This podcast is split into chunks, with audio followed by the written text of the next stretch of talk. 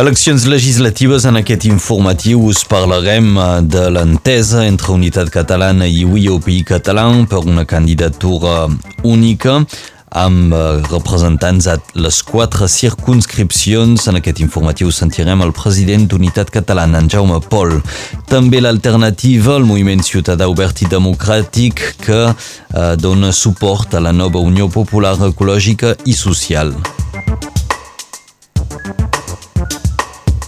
La justícia espanyola ha validat la imposició del 25% del castellà a l'escola a Catalunya Sud. També us parlarem en aquest informatiu de la Comissió d'Investigació del Parlament Europeu sobre Pegasus. La comissió ha acordat enviar una missió d'eurodiputats a l'estat espanyol.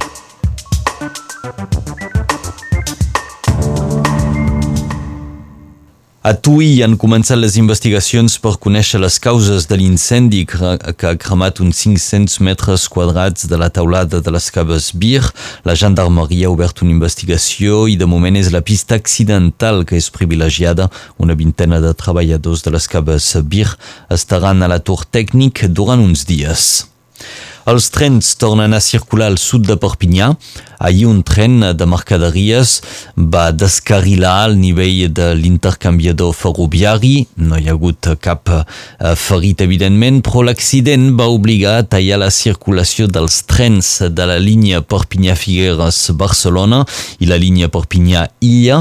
També es va haver d'interrompre el trànsit de trens de mercaderies entre el mercat de Sant Carles i Catalunya Sud. Totes aquestes línies tornen a estar obertes, però els trens hauran de limitar llur velocitat a l'indret de l'incident a, causes, a causa de les obres que s'hi estan realitzant.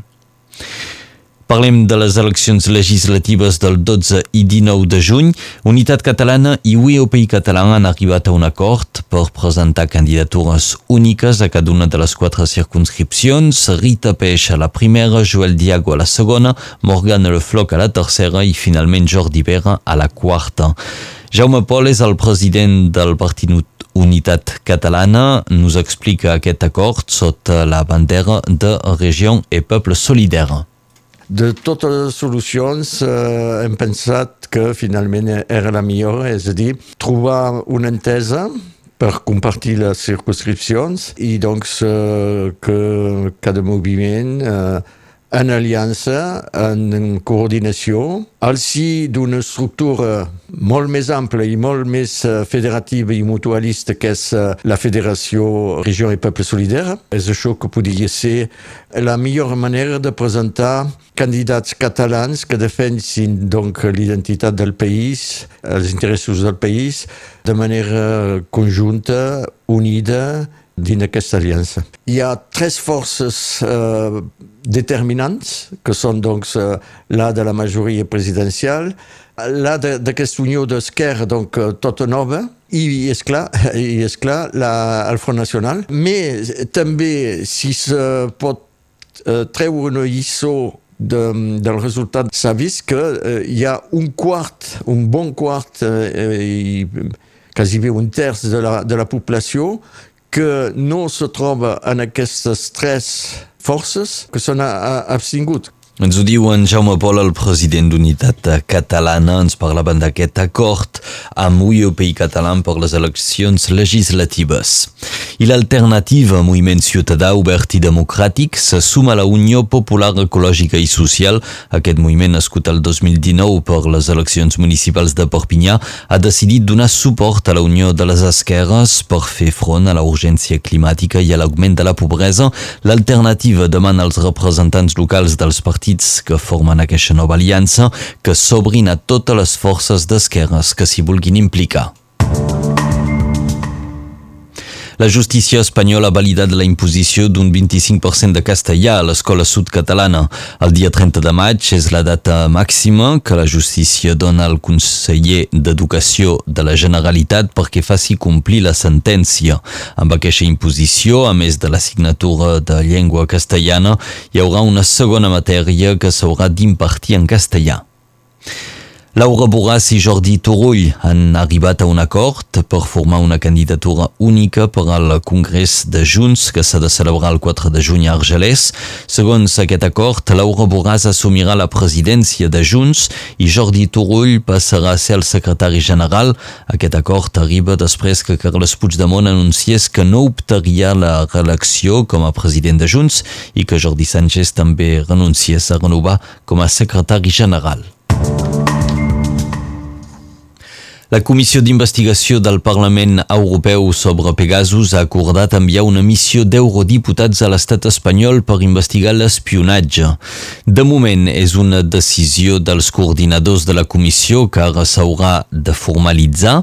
El Parlament Europeu també enviarà un grup d'europarlamentaris a Polònia i Hongria per investigar l'ús de Pegasus i també a Israel, el país d'on procedeix l'empresa NSO, propietària del programa d'espionatge.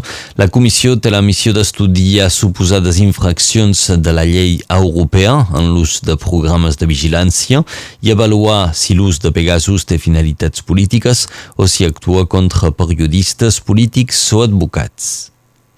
El govern espanyol ha decidit destituir la directora del Centre Nacional d'Intel·ligència eh, per uh, l'espionatge, l'afer d'espionatge Pegasus a l'independentisme català. El Servei d'Intel·ligència espanyol va espiar almenys 18 independentistes. El CNI va precisar que l'operació es va fer amb autorització judicial i que el govern espanyol no n'havia estat informat. L'ONU va publicar ahir les xifres de la guerra a Ucraïna. 77 dies després de l'inici del conflicte, contem 3.381 civils morts i 3.680 ferits. En realitat, el nombre de víctimes civils podria ser més important. Tot just ahir, els cossos de 44 civils van ser trobats entre la runa d'un immoble de la vila d'Izium. El conflicte ha fet 8 milions de desplaçats a dins mateix d'Ucraïna. El Festival de Música Electrònica l'Electro Beach acaba d'anunciar els noms de 12 artistes que actuaran al Barcarès els dies 14, 15 i 16 de juliol. A l'escenari principal actuaran Chico Ros i Toni Carrera, però també Armand Van Elden, Aztec, Alesso, Bastric, Azar o Medusa, entre molts altres artistes. De fet, l'Electro Beach reuneix cada any 150.000 persones al peu del Lídia al Barcarès. Futbol amb el Futbol Club Barcelona, que hi va guanyar per 3 a 1 contra el Celta al Camp Nou, amb dos gols d'Aubameyang i un de Memphis. Aquesta victòria reforça el Barça al segon lloc del campionat que li donaria accés a la Supercopa de la temporada vinent.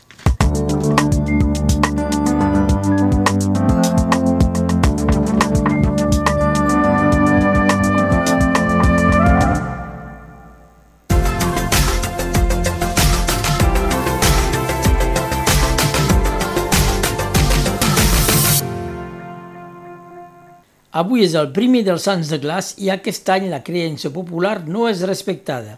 És un flux d'aire calent que puja des del Marroc i la península ibèrica. És una jornada molt tranquil·la, els núvols són absents del cel nord català, a part que alguns potser a molt alta altitud. Els vents són molt moderats i venen de nord-est a causa d'uns corrents contraris al flux meridional – per la temperatura, estem molt per sobre de les mitjanes de temporada de 5 a 8 graus segons les zones. Com a màxima s'espera 21 a Matamala, 24 a Dorres, 23 a Canavelles, 24 a Fiols, 27 als Masos, 26 a Corbera i a Trullàs, 29 al Bolú, 25 a Prats de Molló, 26 a Portvendres, 25 a Baixàs, 26 a Sornià. A Fraga, a la franja de Ponent, 29 graus amb un vent de sud. L'11 de maig de 1258, els representants de Jaume I, el conqueridor, i de Lluís IX de França, signen el Tractat de Corbeil, segons el qual França reconeix la plena independència dels comtats catalans. Salvador Dalí va néixer a Figueres l'11 de maig de 1904 i avui el cantant Renaud fa 70 anys. Avui és Sant Anastasi, Sant Pons, Sant Teudalt, el patró de Ripoll, i Sant Mamet. Per Sant Mamet, ni cargol ni bolet. A la Tor de França, al nord de la frontera del Tractat de Corbeil, El sol es pondrà un minut després de les 9 i farà 21 graus.